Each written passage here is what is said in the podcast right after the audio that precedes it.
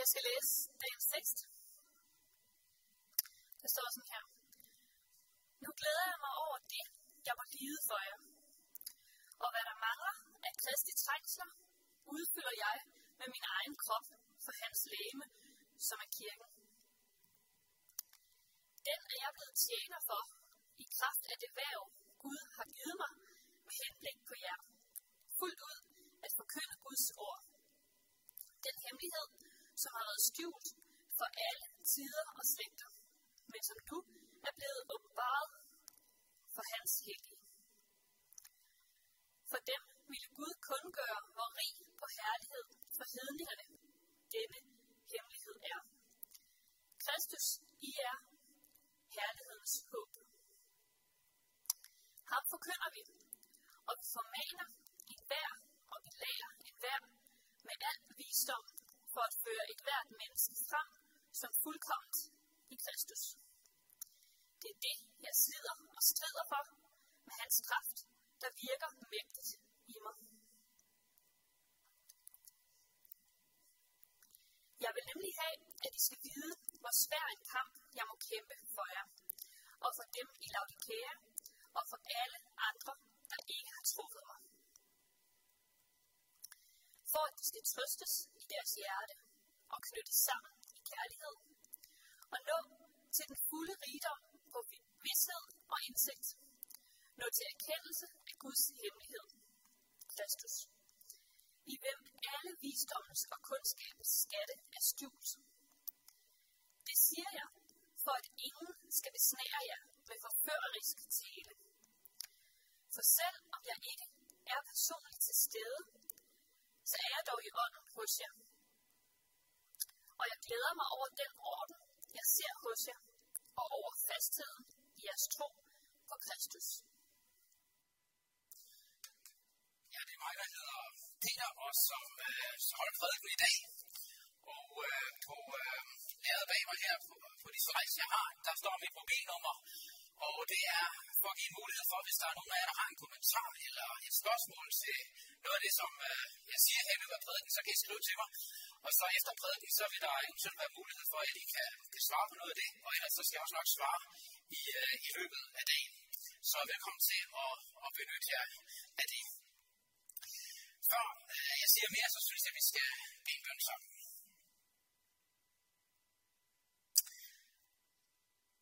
Jesus Kristus, tak fordi du er her lige nu. Og tak, at du er her for at møde hver enkelt af os. Og nu beder jeg om, at du vil tale til os gennem dit ord. Og du vil åbne vores ører og vores tanker og vores hjerter, for det du vil sige til os i dag.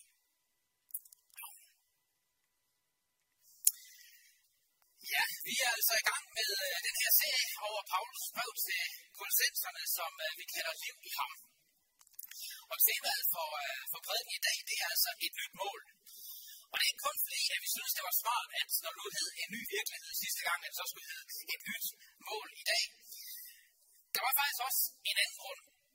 Og det er, at øh, i tekstens idé, som vi lige har lyttet til, og som er et afsnit, hvor Paulus øh, fortæller om sin tjeneste for kirken og for evangeliet, så sætter han samtidig ord på, hvad der er målet med hele hans tjeneste. I teksten der taler Paulus om, at han af Gud har fået den opgave at øh, forkynde Guds ord, og at for, forkynde budskabet om Kristus for mennesker overalt. Og så siger han det sådan i, øh, i kapitel 1, vers 28. Ham, altså Kristus, ham forkynder vi, og vi formaner enhver og belærer enhver med al visdom, for at føre et hvert menneske frem som fuldkomment i Kristus. Det er simpelthen essensen i alt det, Paulus og hans team de sved og slæbte for. Formålet og det ultimative mål med det hele, det var, som han siger, og at fører et hvert menneske frem som fuldkommet i Kristus. Øh, og det er også hans mål med alt, hvad han skriver i øh, Kolossenserbrevet, som vi har den her serie over. Og det er i, i bund og grund det er basically, som det vist hedder på nydansk, øh, det er også øh, det mål, som vi må sigte mod som kirke i dag. Det er dybest set det mål, Gud har for hver enkelt af os. Hvad Paulus mener med det her med at føre et hvert menneske frem som fuldkommende Kristus, det vil jeg vende tilbage til i, uh, i den sidste del af min prædiken, hvor jeg vil særligt fokusere netop på, på det vers. Men først vil jeg gerne prøve ligesom at, at sætte det hele lidt ind i en, uh, i en lidt større sammenhæng. Nu skal jeg se, om jeg kan få, få den her til at, at virke. Det er sjovt nok, den virkede før, nu synes jeg ikke, der sker noget. Måske der noget. Der er sikkert forskel på, øh, hvor meget I kender til sådan, øh, Paulus og hans historie hver især. Øh, vi har været lidt inde på den øh, et par gange tidligere i serien. Men sagen er, at, at før Paulus blev kristen, havde hans liv haft en helt anden retning og et helt andet mål. Paulus han havde øh, så at sige været et uh, ung stjernefrø inden for jødedommen. Han tilhørte den frommeste religiøse bevægelse i folket, nemlig fejserne. Og øh, farisæerne, det var altså dengang ikke et skældsord. Øh, det var faktisk en gruppe, som generelt var meget beundret og dybt respekteret for deres troskab mod Guds ord, og, og ikke mindst deres troskab mod Guds lov, som de ønskede at følge til punkt og prikke. Og Paulus, han havde efter alt at dømme været lidt af et pragteksemplar blandt farisæerne. Øh, med både papirerne og sit liv i orden. For en menneskelig betragtning, der havde han, som han selv siger, været uangribelig i lovretfærdighed. Han havde simpelthen været så fuldkommen, som man kunne blive. Og han var nok også lidt mere yderliggående end de fleste. Og for at toppe det hele, så var han også gået forrest i forfølgelsen af de første kristne. Øh, på grund af deres tro på Jesus som Messias og Guds søn, tro som øh, for Paulus åbenlyst var en falsk tro, og i modstrid med sådan den sande jødiske tro. Og så en dag, på vejen til Damaskus, viste Jesus sig for ham. i blændende lys fra himlen og standstivet. Jeg fortalte lidt mere om det i en tidligere prædiken her i serien, så jeg skal ikke gå i detaljer med nu. Men, men fra den dag, der fik Paulus' liv et helt nyt indhold. Og en helt ny retning, og ja, et helt nyt mål. Frem for alt, så øh, blev der vendt fuldstændig op og ned på Paulus' grundlæggende overbevisninger og værdier. Hvis man skal sådan lige stille det helt enkelt op, så kan man sige for det første, hvor han før byggede hele sit liv og hele sit forhold til Gud på loven, det vil sige Moseloven og elvens mange bud og regler, så byggede han nu hele sit liv og hele sit forhold til Gud på Kristus. Og kun på Kristus. Og for det andet, hvor han før troede, at retfærdighed i Guds øjne, det var noget, han selv kunne opnå, sådan med en kombination af, Gud, af Guds hjælp, og så hans egne gode religiøse og moralske gerninger. Hvor det før var hans overbevisning, så stod det nu helt klart for ham, at det udelukkende var ved tro på Kristus. Og det Kristus havde gjort, at noget menneske kunne stå retfærdigt og fuldkomment over for Gud. Og for det tredje, hvor han før havde været af den overbevisning, at, at fællesskab med Gud, det var et privilegium kun for jøder, og ikke for hedninger. Men mindre de i hvert fald blev jøder. Jeg synes, det nu klart for ham. Det er mødte Kristus. At jøder og hedninger, ja faktisk alle og enhver, kunne et fællesskab med Gud på præcis samme vilkår. Et form på Kristus, og intet andet. Og netop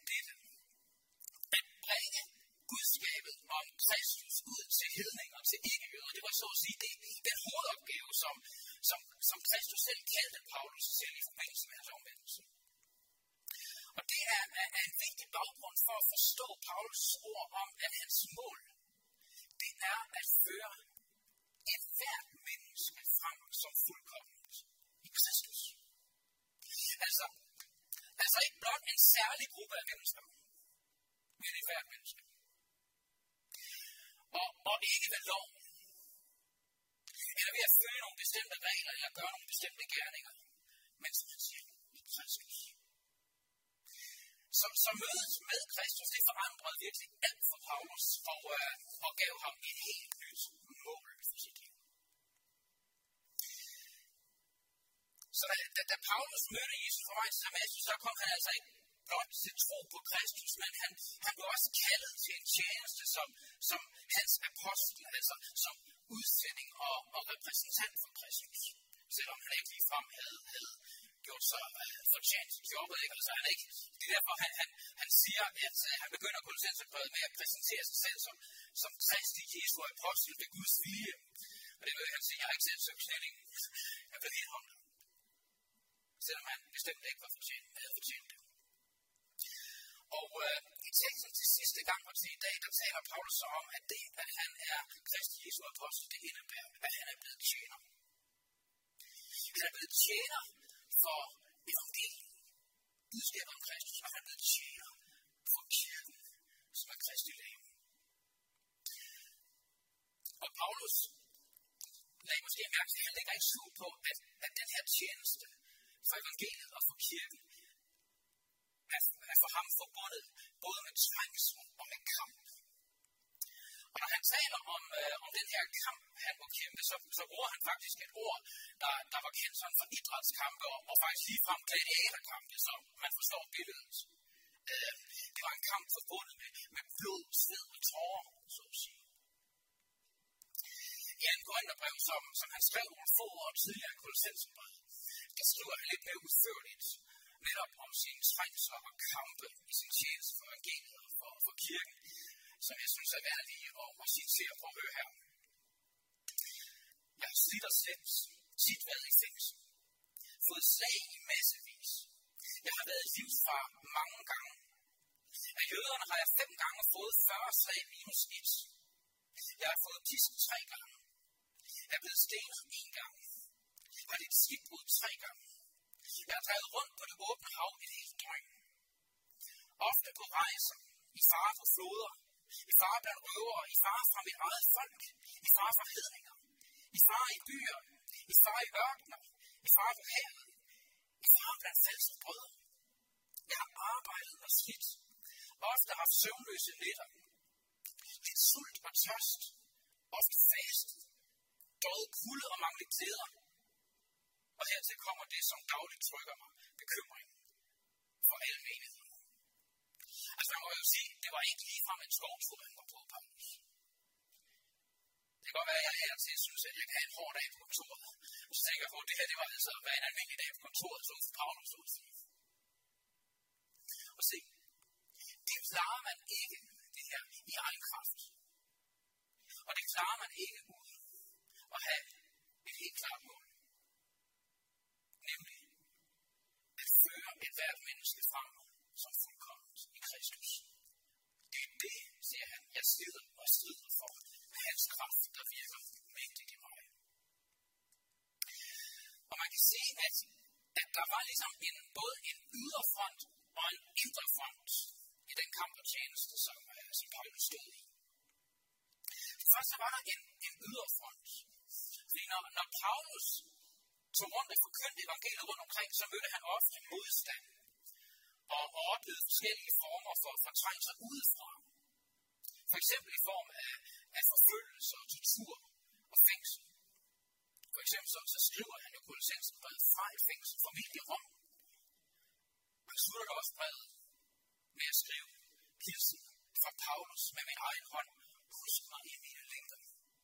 Noget være jer kan godt, det kan godt være opmærksom på nogle gange, når man læser Paulus meget som teologisk brev også, at hvad er det hele? Hvad er et menneske af kød og blod, der så at sige udøser sit hjerteblod i de her brev? Udøser sit hjerteblod for at mennesker må blive fundet for Kristus og nå hele vejen frem til målet i Kristus. Øh, så der var den her yderfront, men der var også en indre front den kamp, han måtte kæmpe, nemlig kampen imod forfrængning af evangeliet indefra i menigheden. Og øh, et af formålene med, at han skriver Kolossenserbrevet, det er netop faktisk at advare menigheden imod at blive vildledt af en bestemt vranglærer, som var i modstrid med evangeliet om Kristus. En, en, en falsk lærer, som, som var i omløb, og som i en eller anden grad også udgjorde en, en, en fare for menigheden. Det er derfor, at Paulus øh, i teksten advarer menigheden imod at blive besværet af det, som han kalder forførisk tale. Eller som det står i teksten, vi skal se på næste gang, en, en, filosofi, en filosofi, et eller andet tankesystem, der var i omløb. Øh, vi ved ikke sådan helt præcis, øh, hvad det var for en falsk lærer eller filosofi, som Paulus han, han advarer om. Men meget tyder på, at, at det har, det været sådan en, en underlig sammenblanding af, af noget kristent og, og noget jødisk, og så nok også noget hedens i sådan en, øh, en åndelig pærevælling. Sådan en, en, øh, en religiøs kødsovs, kan man sige, med, med, med, med sådan lidt forskellige ingredienser, og så med lidt all-round til sidst. Øhm, det ser ud til, at det har været sådan en lære om, hvordan man kunne nå til åndelig fuldkommenhed. Og for troen på Kristus som kun var et trin på vej mod det mål. Troen på Kristus var altså ikke, øh, ikke nok og tilstrækkeligt i sig selv. Det var kun et element blandt flere, som var nødvendigt for, for, for at nå det her mål om fuldkommenhed. Så, så tro på Kristus måtte altså suppleres og, og kombineres. Blandt andet kan man læse, når man læser brevet med, med overholdelse af nogle bestemte jødiske helligdage og forskellige former for, for regler for, for mad og drikke og øh, og forskellige former for askese og muligvis også omskærelse. Og desuden så har en eller anden form for engledyrkelse tydeligvis også spillet en stor rolle. Og han blev åbenbart også gjort sådan et, et vist nummer ud af, af åndelige syn og opnå en, en særlig form for åndelig visdom og kundskab osv. Som sagt, så ved vi ikke helt præcis, hvad alle ingredienserne har været i den her kødsauce, og det er heller ikke så vigtigt. Det, som er vigtigt, det er at se, at over for alt det her, og imod hele den her tankegang, der stiller Paulus gennem hele brevet ganske enkelt Kristus. Kristus og ingen anden, og intet andet end Kristus. Det er, og det er det Paulus for fast, det er i Kristus, det er i troen på, hvem han er, og hvad han har gjort, og i troens livsforbindelse med ham, at vi har alt. At vi allerede har alt, hvad vi har brug for. Og det er ham alene, at vi kan stå som fuldkommen overskud. Og det er jo det, der er Paulus mål. Det er at føre et hvert menneske frem som fuldkommen i Kristus. Punkt. Ikke i en eller anden form for mix af lidt Kristus og lidt engledyrkelse og lidt lovreligion. Problemet med de falske lærere, det var for Paulus netop, som han siger lidt senere, at deres lærer ikke bygger Kristus.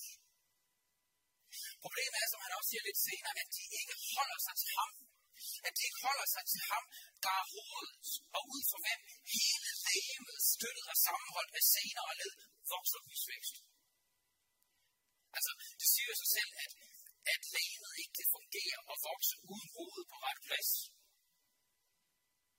Uden Kristus som hoved, som, som mister kirken at slæve liv. Ganske enkelt. Problemet, det er helt grundlæggende, at de her falske lærer, de nedvurderer Kristus og hans betydning. De, de nedvurderer, hvem han er, og hvad han har gjort, og hvad alt det, det betyder. Og det er derfor, Paulus har skrevet på Og Paulus han ved, at angribe. det er det bedste forsvar. Og derfor så, så angriber han faktisk i brevet vranglæren netop med en offensiv proklamation af Kristus, og alt det han er, og alt det han har gjort, og hvad det betyder. Det er derfor, at Paulus så stærkt, som vi allerede har set på i serien her indtil nu, det er derfor, han så stærkt har understreget alt det, vi har i ham. Ja, vi i ham har adgang til Guds rige, at vi har forløsning, at vi har søndernes forladelse, tilgivelse for vores synder. Og det er derfor, at han så stærkt understreger, hvem Kristus er og, og hvad han har gjort. At han er Guds elskede søn og den usynlige Guds billede. At han er Guds selv i kød og blod.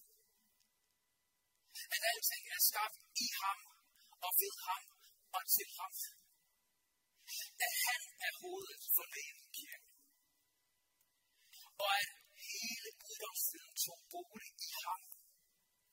For netop ved ham at forsone alt, hvad som er på jorden, som i himlen ved at stifte fred med hans blod på korsets grund. Udfoldelse af godt.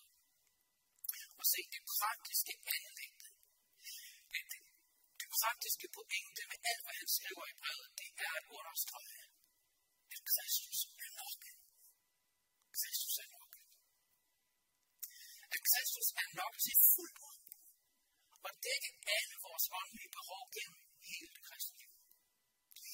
At, at Kristus er nok i, i begyndelsen af det kristne liv, i troens og dåbens forening med ham. At Kristus er nok gennem det kristne liv, mens vi lever og vokser og modnes i troen på Og at Kristus er nok til at vi en dag kan stå fuldkommen over for Gud på dommens dag og få den endelige frelse. Og det er Paulus' mål. Det er det, der er Paulus' mål for kolossenserne og for os og for et hvert menneske. Men hvis vi, og hvis vi skal nå det mål, så er det helt afgørende, som han skriver i, i uh, kapitel 1, vers 23, som vi hørte sidste søndag, at I derfor bliver grundfæstet og faste i troen, uden at lade rokke for håbet i det evangelium, jeg hørte. Og i teksten til det, der udtrykker han da også sin glæde over, at, at menigheden fortsat står fast i tro på Kristus. Og man kan sige, at hele brevet er et udtryk for hans omsorg for, at de netop må blive ved med det. At de fortsat bliver styrket og vokse i deres tro på Kristus og i deres relation til ham. Netop så de når målet. Det som er, er det helt afgørende mål. Og lad os nu kigge lidt nærmere på det, Paulus så siger om det her mål i vers 28. Jeg vil godt jeg fremhæve tre ting, som, øh, som øh, Paulus, man kan sige Paulus mål her. For det første er et universelt mål. For det andet er det et pastoralt mål. Og for det tredje er det et ultimativt mål. For det første, så er det et universelt mål. Lidt tidligere i vers 25, der siger Paulus, at han er Gud, er blevet givet den opgave fuldt ud at forkynde Guds ord. Egentlig så står der, at, at opfylde Guds ord. Og det kan betyde, at, at forkynde Guds ord i hele dets fylde. Altså uden at fortige eller udlade, udlade noget. Og, og, og det er noget, Paulus ofte understreger, at han, han, han ikke fortiger noget. Men det kan også betyde at forkynde Guds ord overalt. Og forkynde Guds ord for alle mennesker. Og det at forkynde Guds ord, det får for Paulus det samme som at forkynde Kristus. Ham forkynder vi, selv. Og hans mål, det er netop at forkynde Kristus for alle og enhver. Jeg lægger mærke til, at der tre gange står en hver, en hver, et hvert menneske. Jeg faktisk skriver Paulus tre gange, et hvert menneske, et hvert menneske, et hvert menneske. Jeg tror, at oversætterne, de synes nok, det var lige overkanten at skrive det øh, tre gange. Det gør Paulus faktisk. Det er virkelig for alle og enhver. Netop fordi Gud ved Kristus og ved hans blod på korset har forsonet alt og alle med sig selv, så er budskabet om Kristus også for alle mennesker og for et fælles menneske. Så man kan altså sige, at Paulus mål er universelt. Målet er for alle mennesker. Og det betyder samtidig også, at det er individuelt. Målet er et hvert menneske. Jeg ved altså ikke helt, hvad, hvad Paulus ville være sådan mener om alt i Københavnerkirken. Gætter på, at han nok øh, gerne vil rette lidt på nogle ting. Jeg skal ikke sige til Claus, jeg har sagt, men det, det kan jeg forestille mig.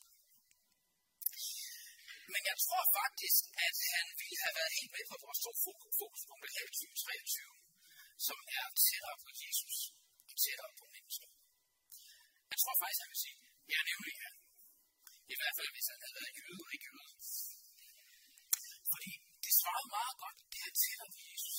Hele det her brev, det handler om i Kristus, ikke også? I relationen til ham.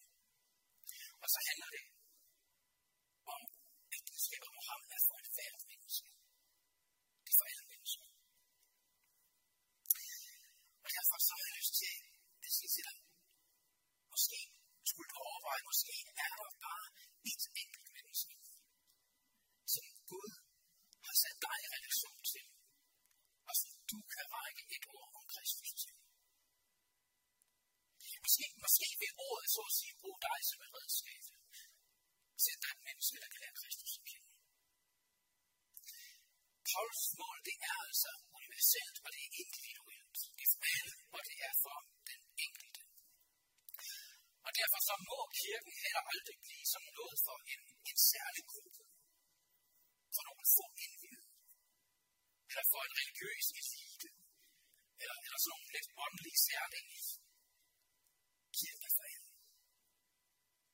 Og evangeliet, det må aldrig nogensinde lukkes inde.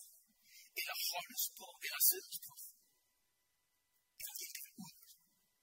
Det vil ud til alle mennesker. For det andet så er Paulus' mål et pastoralt mål. Jeg kan ikke lige komme i tanke om et andet og bedre ord for det, men, men, men pastor, det betyder hyrde. Og jeg kalder det et pastoralt mål, fordi det er et mål, som er, er forbundet med hans tjeneste, med at drage omsorg for, for menighederne og for den enkelte. Tager sig af sin jord, med sin form. Og Paulus bruger her tre ord om det. Han siger ham, forkynder vi, og vi formaner en hver, og belærer en hver med al visdom. Fordi, se, det at Kristus er nok for os, og at alt, hvad vi har brug for i det kristne liv, det dybest set findes i ham, og i det ved at være forbundet med ham ved tro. Det betyder ikke, at der ikke er nogen etiske bud at leve Altså som om Paulus kun havde et evangelium og ikke nogen etik. Som om evangeliet slet ikke havde nogen konsekvenser for vores liv og vores måde at leve på.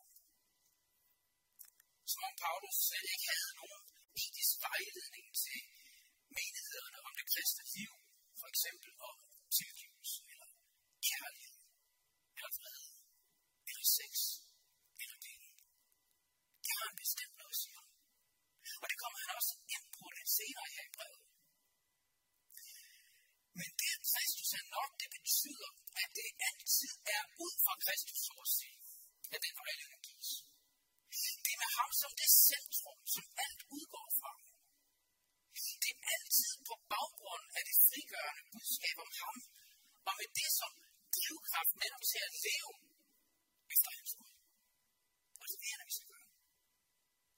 Og det er derfor, at Paulus ikke kun siger, vi forkynder Kristus, men også siger, og vi formaner en hver, og vi belærer en hver. Jeg ved ikke, hvordan I har det, men ordet formaner, det kan måske godt have sådan en lidt negativ klang i vores ører. Men det ord, Paulus bruger, det er, det er faktisk et, et, et positivt, positivt ord, han bruger her.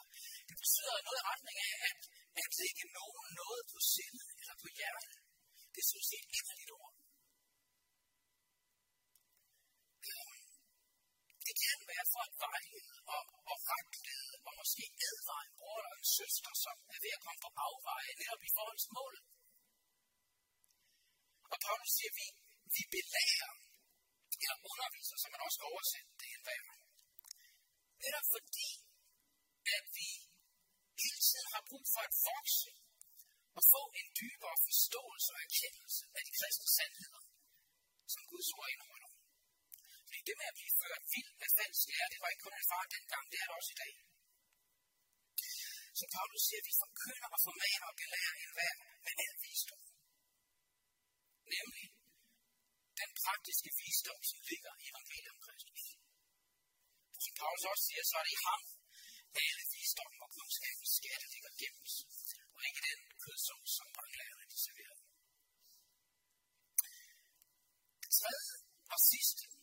Paulus mål, det er, at det er et ultimativt mål. Fordi når han taler om at føre et hvert menneske frem som fuldkommet i Kristus, så er det netop med tanke på den dag, hvor, hvor det og hvor du og jeg, vi skal stå frem for Guds domstol. Det ultimative mål for hele Paulus' tjeneste, og for hele hans forkyndelse og vejledning og undervisning, det er, at den enkelte af os på den dag hvor vi står som fuldkommen over for Gud i Kristus. Og det kan vi netop kun, så sandt vi er i ham. Det her det handler altså ikke om sådan gradvist at blive mere og mere fuldkommen i sig selv. Og at nå dertil, at vi er blevet fuldkommende og, og, og syndfri i os selv, før den dag, vi skal stå for Gud. Det er det, det handler om. Nej, vi er allerede nu fuldkommende i Guds øjne i Kristus. Og så sandt vi bliver i Kristus. Og det er nok ikke lader os rokke fra troen på ham og det håb, vi har i ham. Så kan vi også stå rene og retfærdige og fuldkommen over for Gud i dommens dag. Ikke os selv, men netop i Kristus. Og se, det er det ultimative mål, som Paulus har for øje. Det er det ultimative mål, han har for hvert enkelt menneske. Og det er det håb, der er for et hvert menneske i tro på Kristus. Men kun i ham. Og det fantastiske er, at når vi er i Kristus, så er Kristus også i os. Vil I lade mærke til, at Paulus i teksten, der talte han også om Kristus i jer. Herlighedens håb. Vi er i Kristus Kristus er i os. Han bor ved troen i vores hjerte. Og han bor i os som herlighed, som, som Paulus siger. Som vores sikre håb om den kommende herlighed. Et sikre håb om, at, at ligesom Kristus opstod rimeligt, så skal vi også opstå rimeligt en dag i fuldkommen herlighed på en ny, ny og fuldkommen jord. Det er vores ultimative mål. Jesus er i os, det indebærer, at vi med håb og forventning kan se frem mod det håb. Til allersidst, der vil jeg gerne fortælle jer øh, om Nils. Fordi for cirka halvandet år siden, der, der døde min ven Nils øh, fra Vestermarie på Bornholm. Jeg var præst i Bornholmerkirken for nogle år siden, og øh, der købte vi på et tidspunkt det gamle forsamlingshus i Vestermarie, som, øh, og det første vi gjorde, det var at male det, fordi det, det trængte det til. Og mens vi var i gang med at male det her store forsamlingshus, der mødte jeg så Niels og hans øl og hans hund. Og øh, det første, jeg husker om Niels, det var, at han havde meget klare meninger om den der farve, som vi, vi malede det her hus med. Han havde det hele taget meget klare meninger om de fleste ting. Øh, og efterhånden, vi fandt sådan en snak, og efterhånden lærte vi hinanden at kende. Og øh, han er faktisk vildt finde. Vi fandt hurtigt ud af, at vi havde sådan en god gruppe kemi sammen. Og jeg kom ofte på mit kontor, og så fik vi en snak, og øh, nogle gange var det også hjemme hos ham. Øh, det var egentlig en sidste sag. Han sagde altid, du får mig ikke omvendt. Det gør du ikke. Men vi snakkede jo en hel del om det med Gud og, og Jesus og om troen og, og det evige liv. Og så er jeg måske det, så han sagde, ja, det kan godt være, du har ret. Ja, jeg har nok begyndt at tro, at der er noget snak. Jeg forstod ikke så meget som rent instinktuelt, kan. på mange måder så, så var det at, det at tale om tro med ham, det var på mange måder som, som at tale med et barn. Men som en klog mand engang har sagt, den der ikke modtager Guds rige, ligesom et lille barn, kommer slet ikke ind i det. Så er han også en gammel sømand. Så øh, jeg lærte ham en børnesang. Den der, min båd er så lille og havet så stort, men Jesus har grebet min hånd. Og når han styrer båden, så går det så godt på vejen mod himlens slut. Og jeg ved ej, om rejsen bliver lang eller kort, men Jesus har grebet min hånd og så videre. Og sagde jeg til ham, Niels, jeg tror faktisk, at det, der er sket med dig på det sidste, det er, at Jesus har grebet din hånd. Og så smilte han og sagde, Ja, det tror jeg faktisk også. Ja. Jeg besøgte ham nogle få måneder før han, han døde, efter jeg var blevet født. Og jeg skulle som altid bede en bøn for ham til sidst. Så sagde han, det, det gav sådan en fred. Og øh, han vidste godt, at han ikke havde lang tid igen der. Men jeg sagde til ham, Niels, du skal bare sige Jesus. Så hælder han ånden ud. Så rækker han straks sin hånd. Og han smilede og sagde, ja, det siger du godt nok. Og så øh, for cirka halvandet år siden, så så man stille ind i sit